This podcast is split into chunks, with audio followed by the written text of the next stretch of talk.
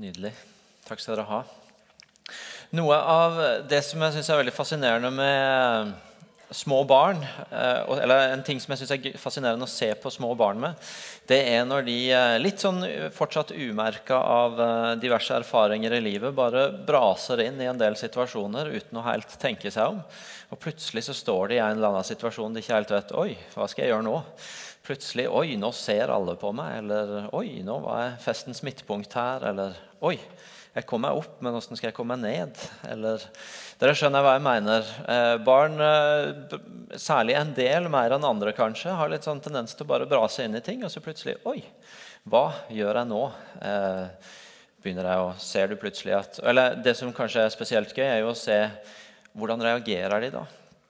Begynner øynene å fylles med tårer, eller Finner de første og beste fluktvei, eller tar de et steg fram og plutselig gjør noe du ikke visste at de kunne, og de kanskje ikke sjøl visste at de kunne, men som Oi, plutselig fantes det der.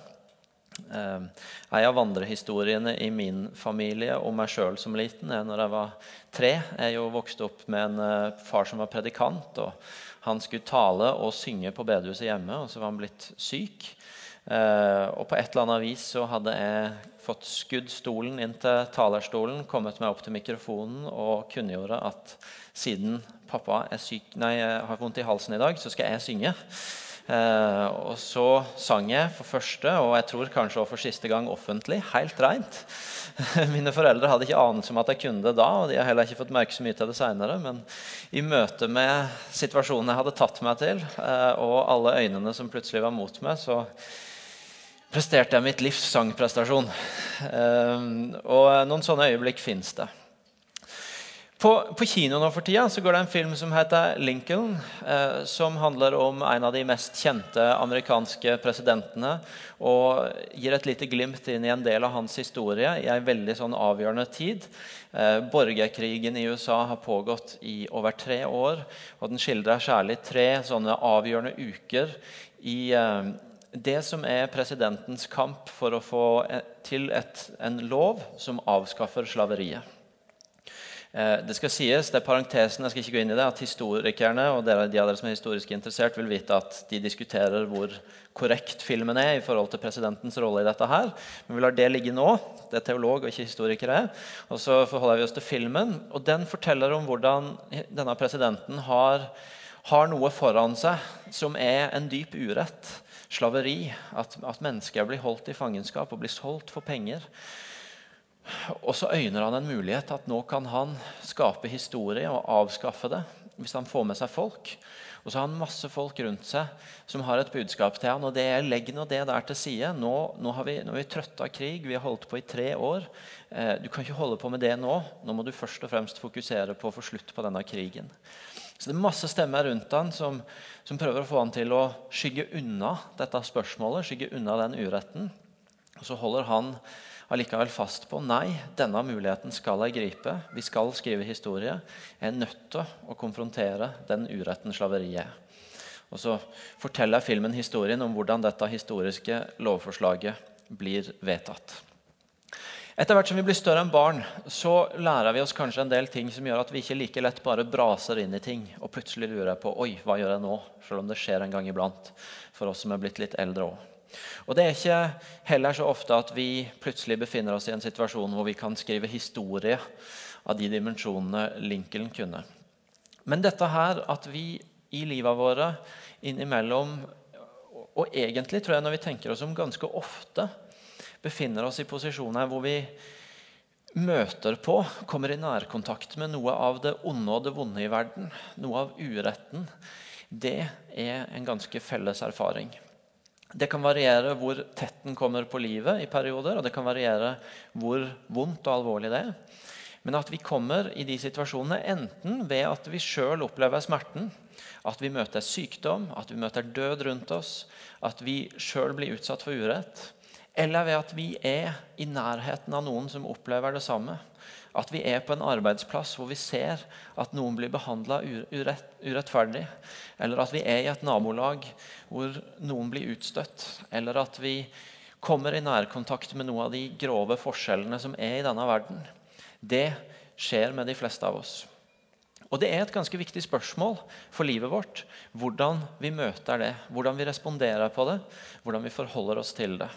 Det er et ganske viktig spørsmål for hvordan livet vårt blir, og for hvordan vi griper de mulighetene som livet byr oss. Eh, teksten i dag har vi hørt sunget allerede. Nydelig. Kristin og eh, Håvard som spilte på engelsk. Dere skal få høre han etter hvert som vi går igjennom han på norsk det er som jeg sa i starten av gudstjenesten, en av de beste salmene til en av de, eller kanskje vi får si den største salmeskriveren i Bibelen, David. Hadde han gitt ut ei Best of-plate eller ei eh, samling med sine største salmer, så er jeg ganske sikker på at Salme 23 hadde vært der. Og den er jo godt kjent og mye brukt. Eh, og Vi skal se litt på den i dag for å finne noen svar til spørsmålet jeg har stilt. Bare først litt kort bakgrunn om David. For de av dere som har brukt noen timer av livet deres i ei kirke, dere vet litt om hvem David er. Eh, men la oss uansett eh, rekapitulere litt. David, som har skrevet denne salma, er jo denne minstemannen i søskenflokken eh, som ble satt til ikke en veldig egentlig gjev oppgave, men det var den oppgaven han fikk, å gjete sauer. Sauene til familien, så Han var minstemann, han var gjeter. Og En dag så får han altså denne utrolig merkelige opplevelsen av å bli kalt hjem fra jobben sin eh, med å gjete sauene fordi Salomo, Israelsfolkets store gudsmann Og da snakker vi virkelig store. altså. Det er ikke, det er ikke som om eh, det kan ikke sammenlignes med om eh, en av de største predikantene i Norge eller en biskop hadde kommet hjem til noen. Det er noen hakk over der. Eh, fordi han var den store gudsmannen israelsfolket. For israelsfolket. Han var den som eh, fortalte dem om hva som hva Gud var opptatt av, som hjalp dem til å navigere mellom rett og urett. Han var den som hadde gitt dem en konge, salva Saul, som var israelsfolkets første konge. Eh, når israelsfolket ba om en konge. Han kommer på besøk til familien til David, og David blir etter hvert hanka inn fra jobben sin fordi Salomo er der. Og Så kommer altså Salomo med denne profetien at du skal bli Israels neste konge. Du skal bli kongen etter Saul. Eh, ikke en helt vanlig dag for en lillebror og gjetergutt. Sa jeg Salomo? Takk for at dere er våkne og retter meg. Det hadde jo vært utrolig pinlig om jeg gikk ut av denne gudstjenesten hadde sagt, blitt stående med det. Samuel, beklager.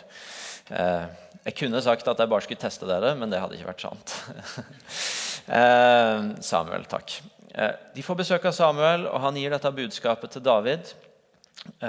Og Så kommer David sant, inn i denne her underlige ventetida hvor han har hørt disse ekstreme ordene over livet sitt. Du skal bli konge. Men så er det jo ikke sånn at er, han får høre at han skal bli konge den ene dagen, og så er han det den neste. Men han går inn i den fasen som mange av oss må inn i, når vi kanskje får en idé om at Gud har lagt noe spennende foran oss.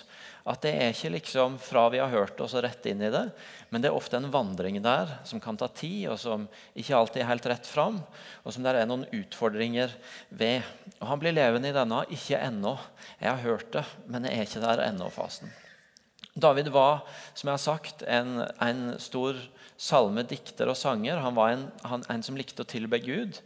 Uh, og Det førte han etter hvert inn i Saul, han som nå var konge, sitt hoff, som er en som spilte for Saul og sang for Saul for å gjøre han rolig. Uh, David ble også etter hvert uh, en som gikk i striden for Saul. Selvfølgelig den kjente historien om David og Goliat når han kommer på banen og vinner over kjempen Goliat, som ingen andre lenger tør å møte. Og Etter hvert så vinner han nye seire for kong Saul. Etter hvert så mange at han blir en trussel for kongen. Fordi folket begynner å snakke om at Saul slo tusener, men David slo titusener. Eh, og Saul begynner å føle at presset av at her er det jo en som faktisk er på vei til å begynne å leve mer og mer inn i det han er salva til og profetert over at han skal gjøre, nemlig å være konge for dette folket. Og Det fører David ut på flukt fra Saul fordi Saul vil ta livet av han. Eh, og Han lever i huler og han reiser langt unna. Han kommer i farlige situasjoner. Og Gjennom hele reisen så bevarer han dette myke hjertet sitt overfor Gud.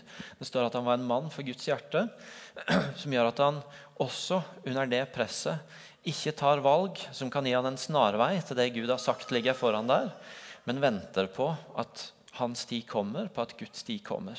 Selv når han har sjanse til å ta livet av Saul, så gjør han det ikke. Men han venter på hva Gud skal gjøre for ham. Og Til slutt så ender han opp som kongen, som den store kongen for israelsfolket, som både befester nytt land for dem, og som blir en sånn stabiliserende, god konge for folket. Um, I den salmen vi har hørt sunge og skal jobbe oss igjennom i dag, så drar David veksler på egne erfaringer, både fra livet som gjeter vi, møter, vi skal se at vi møter mange sånne gjeterbilder. Men også fra den lange reisen han har hatt på veien til å bli konge, som har vært en reise i å ha tillit til Gud og i å stole på at Gud sørger for det han har lova. Og det er ikke min jobb å prøve å gjøre det han har sagt han vil gjøre, men å være med på det han leder meg inn i. Eh, dette er, Salme 23 er dypest sett en sånn lang bekjennelse av tillit til Gud og til at Gud er trofast. Eh, det er ikke en eneste bønn i salma. Det er ikke et eneste sted hvor David ber Gud om å gjøre noe, men en bekjennelse av at jeg har tillit til at Gud sørger for meg. Og det, det språket David bruker, og det han kommuniserer, det trekker jeg både veksler fra erfaringen hans som gjeter, men òg fra erfaringen hans av å sette sin lit til Gud i mange utfordrende situasjoner som han var i på vei til å bli det Gud hadde sagt han skulle bli. La oss se litt på salma også på norsk. Vi har hørt den sunge på engelsk. Herren er min hyrde, jeg mangler ikke noe. Ikke det er bare sånn god utgangsbekjennelse. Han, han, han drar opp dette bildet av en hyrde, hyrde som passer på sine sauer, som sørger for sine. Jeg mangler ikke noe. Min hyrde, han sørger for meg. Det fantes nok eksempler på hyrder som ikke gjorde en like god jobb, som ikke var like samvittighetsfulle, som ikke alltid var en garanti for sine sauer at de hadde alt de trengte. Men Herren er min hyrde, og han er en god hyrde, som Jesus også gir et bilde av i Det nye testamentet. Jeg mangler ikke noe. Og Så går han videre til å tydeliggjøre det ved å si at han lar meg ligge i grønne enger. Han leder meg til vann der jeg finner hvile. Han lar meg ligge i grønne enger. ikke sant? Grønt ute i områder hvor det ikke uten videre var gitt at det var masse steder hvor sauer ha, hadde masse mat å spise på.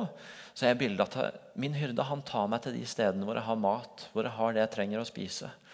Og Han lar meg ligge i grønne enger. Det blir nærmest et sånt bilde av at jeg kan legge meg ned og sove mett og vite at når jeg våkner igjen, så er det grønt her. Det er, det er mat til i morgen òg. Det er mat til neste gang jeg trenger òg.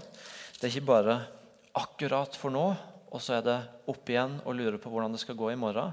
Men jeg får ligge og hvile på et sted som gjør at jeg vet at i morgen er det også noe å spise.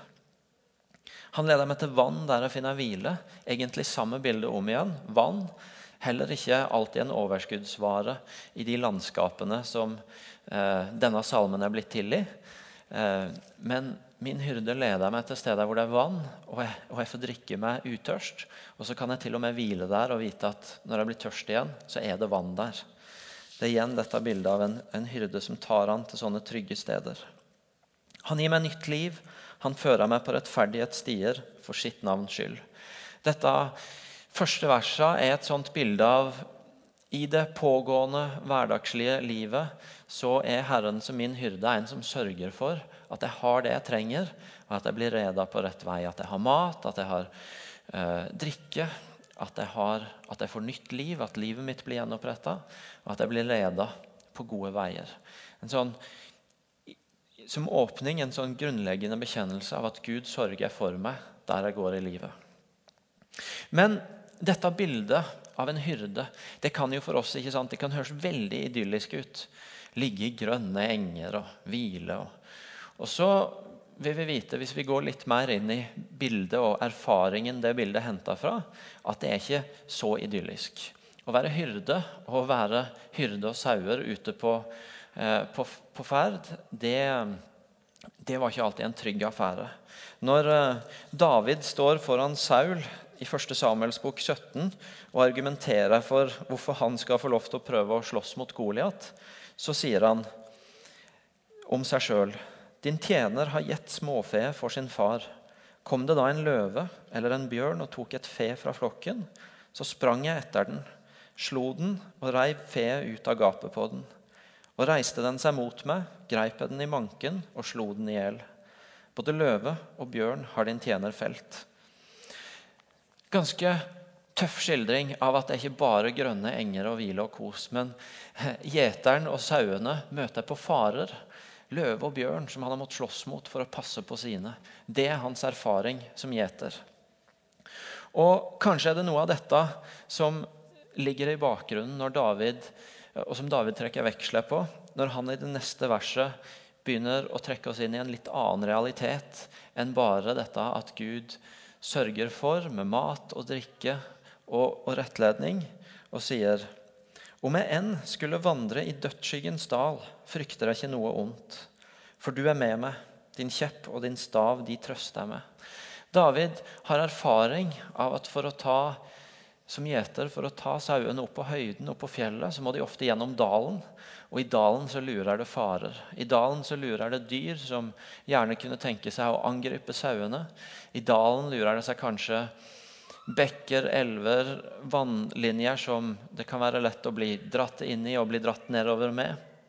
Eh, David vet at eh, i dalen fins det farer, og han har sett hvordan sauene senser faren når de er der, og hvordan de da drar seg nærmere hyrden. De, de kjenner kanskje lukta av dyra som, som lusker. De, de, hører alle disse vannlydene, og de trekker nærmere mot hyrden, som skal lede dem gjennom dette her. Og Kanskje er det også derfor vi legger merke til at eh, det skjer en endring i språket. Nå snakker ikke David lenger bare om Gud, men nå snakker han når han begynner å snakke om disse dødsskyggens dal, om disse vanskelige strøka å gå i, så begynner han å snakke til Gud.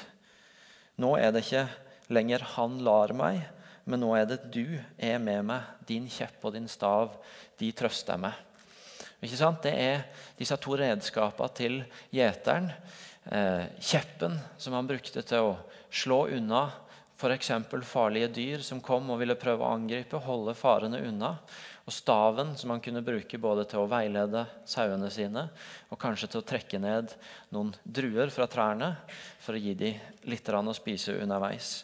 Disse to redskapene som han brukte både til å beskytte og til å lede og ta dem gjennom det farlige landskapet. Og Her får vi kanskje det første antydninga om noe av svaret på spørsmålet i dag, nemlig at i dødsskyggens dal, i denne farlige, denne utfordrende, vanskelige landskapet å gå i, så trekker jeg sauene nærmere hyrden, ikke lenger unna. Eh, og Det er noe av det første svaret vårt i dag på hva, hva gjør vi når vi konfronterer eh, det som er ondt og vondt. Enten det er at det rammer våre liv, eller at vi står på sida og, og, ser det og lurer på hva vi skal gjøre med det. Jo, da trekker han seg nærmere Gud, ikke lenger unna. En flykter ikke fra Gud, som vi vet av erfaring at for noen kan være mulig, eh, et mulig utfall. Eh, men denne salma sier noe om at nei, la oss trekke nærmere hyrden. La oss trekke nærmere han som beskytter, som har kjeppen og staven til å holde farene unna og til å, til å lede oss igjennom dette ulente, vanskelige terrenget. La oss ikke rømme fra Gud, men la oss komme nærmere han, trekke tettere inntil han når vi merker at nå er farene rundt oss. Første respons vi trekker nærmere Gud. Og Så kommer det i salma et nytt bilde. som Nå er, nå er hyrdebildet. Nå er vi litt ferdig med det. Og så kommer det et bilde som, som kanskje mer handler om gjestfrihet, eller det å, det å invitere inn. Du dekker bord for meg, like foran mine fiender. Du salver mitt hode med olje. Mitt beger renner over. Selv om det er farer like rundt, selv om fiendene er like rundt, så gir David dette bildet av at det dekkes et bord, at man setter seg til bords og spiser. Av at Gud eh, midt i det som er farene rundt, så, så, så, dekker han et eller annet på bordet som David kan sette seg ned ved og spise av og ta imot. La oss huske det at David han er en som hadde kjempa mange kamper. David han er ikke en som bare hadde hørt at Gud hadde talt et ord om at du skal bli konge for Israel en gang. Og så hadde han satt seg ned og venta på når noen skulle komme og fortelle han at dette skulle skje. Men David var en som hadde gått aktivt inn i det. Som hadde gått i krigen for Saul. Som hadde eh, trådt inn i muligheter som åpna seg. Og som hadde kjempa ganske mange kamper eh, og for å bruke et norsk uttrykk vært ute noen vinternetter.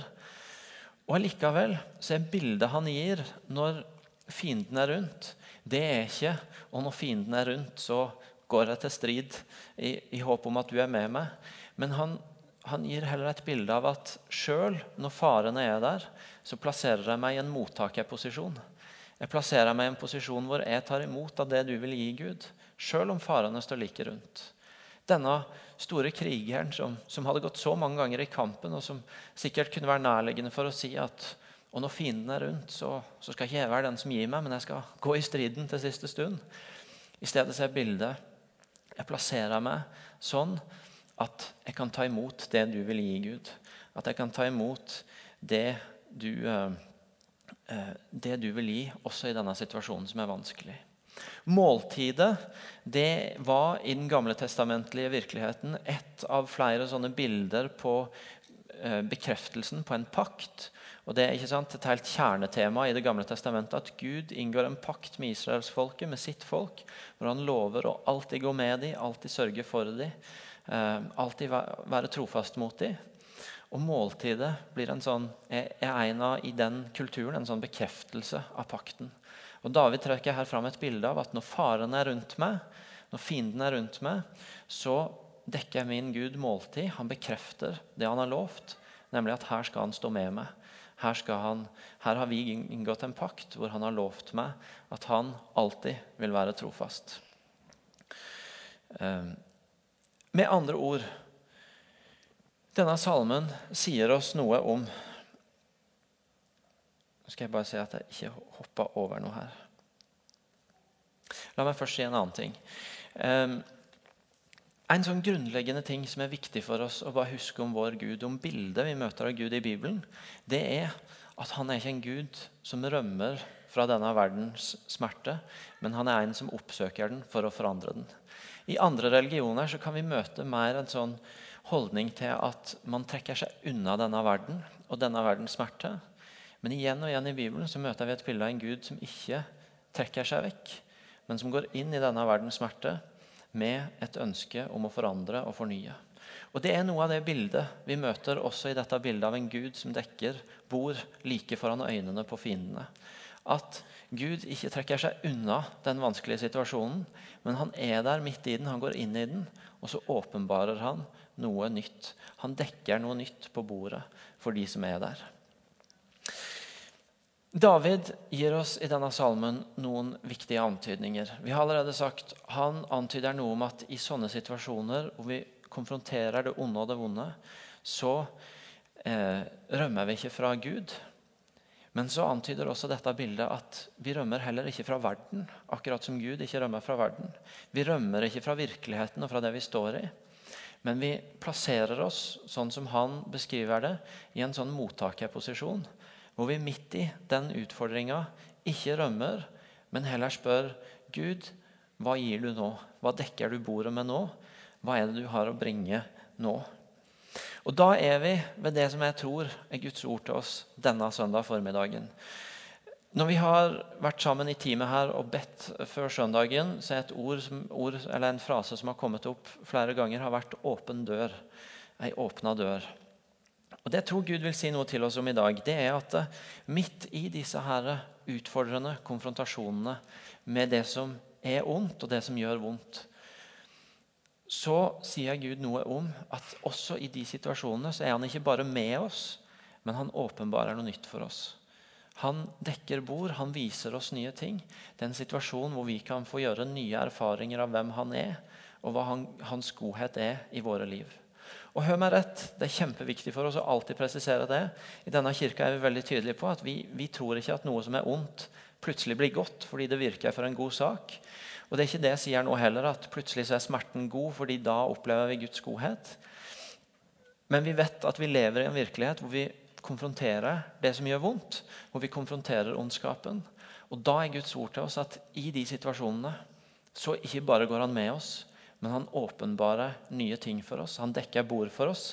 Eller som det står i Jesaja 45, eh, som har vært et annet ord som har kommet opp inn mot denne gudstjenesten, så sier han Først, jeg vil gå foran deg. Fjell vil jeg jevne ut. Bronsedøra vil jeg knuse, og jernbommer vil jeg hogge i stykker. Og så sier han, jeg gir deg skatter som er skjult i mørket. Jeg gir deg skatter som er skjult i mørket. I de mørke situasjonene, i de mørke eh, omstendighetene i livet. Gud som åpner ei dør for oss når livet er vanskelig, når vi konfronterer noe som er urett, og som sier at i den situasjonen så åpenbarer det noe nytt for deg, noe godt for deg.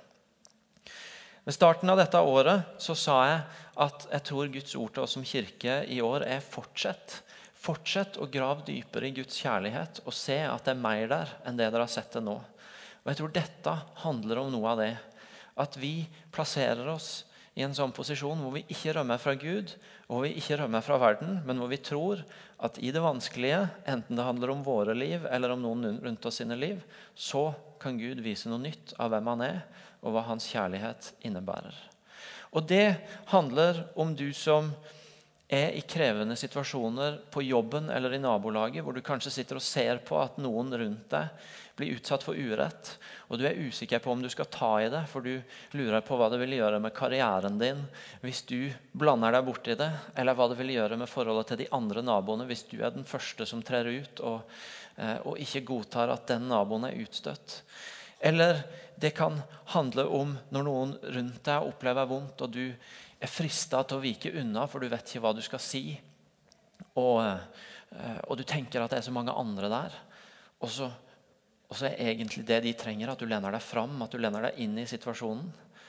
Og det er til du som står midt i det, og som kanskje har blitt ramma av død, blitt ramma av sykdom, blitt ramma av urett. Og som trenger å høre at ikke røm fra Gud, og ikke røm fra verden og virkeligheten og situasjonen. Men vær ærlig på det som gjør vondt, og bli åpen for at Gud midt i det dekker et bord for deg, åpner ei dør, åpenbarer noen skatter som er gjemt midt i det mørket du opplever. Og så tror jeg at Posisjonerer vi oss sånn, ikke på flukt fra Gud, ikke på flukt fra verden, men i en mottakerposisjon til det han vil gjøre, så kan vi, enten vi er de som skal stå opp for noen, eller vi er de som skal stå midt i det, oppleve at Gud viser oss noe nytt og noe godt, noe som handler om hans kjærlighet. Skal vi reise oss og be sammen? Far, jeg, jeg, har lyst til å takke deg denne søndagsformiddagen for din godhet. Og for at når vi dumper, enten det er vi ser det komme, eller det er litt som et lite barn, at vi plutselig bare har plumpa inn i en situasjon som, som var uventa, og som gjør vondt for oss eller gjør vondt for noen andre, så er din godhet der. Jeg takker deg for at du er en Gud som ikke rømmer fra denne virkeligheten og den smerte, men som oppsøker den fordi du har lyst til å forandre. Jeg takker deg for at uh, det skal få bli et utgangspunkt for oss. At vi ikke flykter fra du, men at vi som sauene trekker oss nærmere deg. Og at vi heller ikke flykter fra det som står foran oss, men at vi lar din godhet få bli et utgangspunkt for å stå igjennom det. For å gå igjennom dalen og for å komme ut i et åpnere landskap. Og Jeg tror i dag at vi skal be for du som er i en sånn situasjon, i en sånn dødsskyggens dal, og som hadde trengt at, at vi ba om, om ei åpna dør, og om at du skulle få se Gud dekke et bord for deg. Eh, hvis det er du, så bare rekk ei enkel hånd i været, og så ber vi en enkel bønn for deg. Flott. Far, du ser de som, de som nå tilkjennegir at, at nå er de i dalen. Og det er vondt, og det er mørkt. Og det utfordrer. Og da ber vi om at de skal få, få trekke nær deg. Og at de skal få sette seg til bords med deg og se det du dekker for dem. Eh, det står ikke at du tok sauene ut av dalen, men at du leda gjennom. Og, eh, og selv om vi ikke vet hvordan morgendagen blir, og hvor fort veien går ut, så ber vi deg om at du gjennom hele prosessen skal åpenbare din godhet i en vei som tas opp til fjellet og ut i et åpent landskap. Kom med din godhet, far, inn i de sitt liv. Kom med nytt mot, kom med ny tro på at du er der, og på at du går med, på at du sørger for, og på at du kan gjøre noe nytt. Og så tror jeg også Vi skal be for de av dere i dag som står og ser på uretten eller urettferdigheten, og som vet at du trenger, å, trenger at Gud møter deg også der for å få mot til å ikke rømme, ikke bare lene tilbake, men faktisk lene deg inn og la Guds kjærlighet bli åpenbart i det som er vondt og urettferdig. Få se ei hånd i været, og så har vi lyst til å be for deg. Flott. Far, vi, eh, vi, ber også for de som nå tilkjennegir at, eh, at de er i nærkontakt med noe av det onde i denne verden, og noe av det som de ser gjør vondt for mennesker rundt seg, og som trenger at du leder dem i hvordan de ikke bare kan vike unna, men lene seg inn og bringe din godhet. Vi ber deg om at du skal lede dem, tale til dem, gi dem mot og la de få se at også i sånne situasjoner så dekker du bord. Du åpner en ny mulighet. Mm.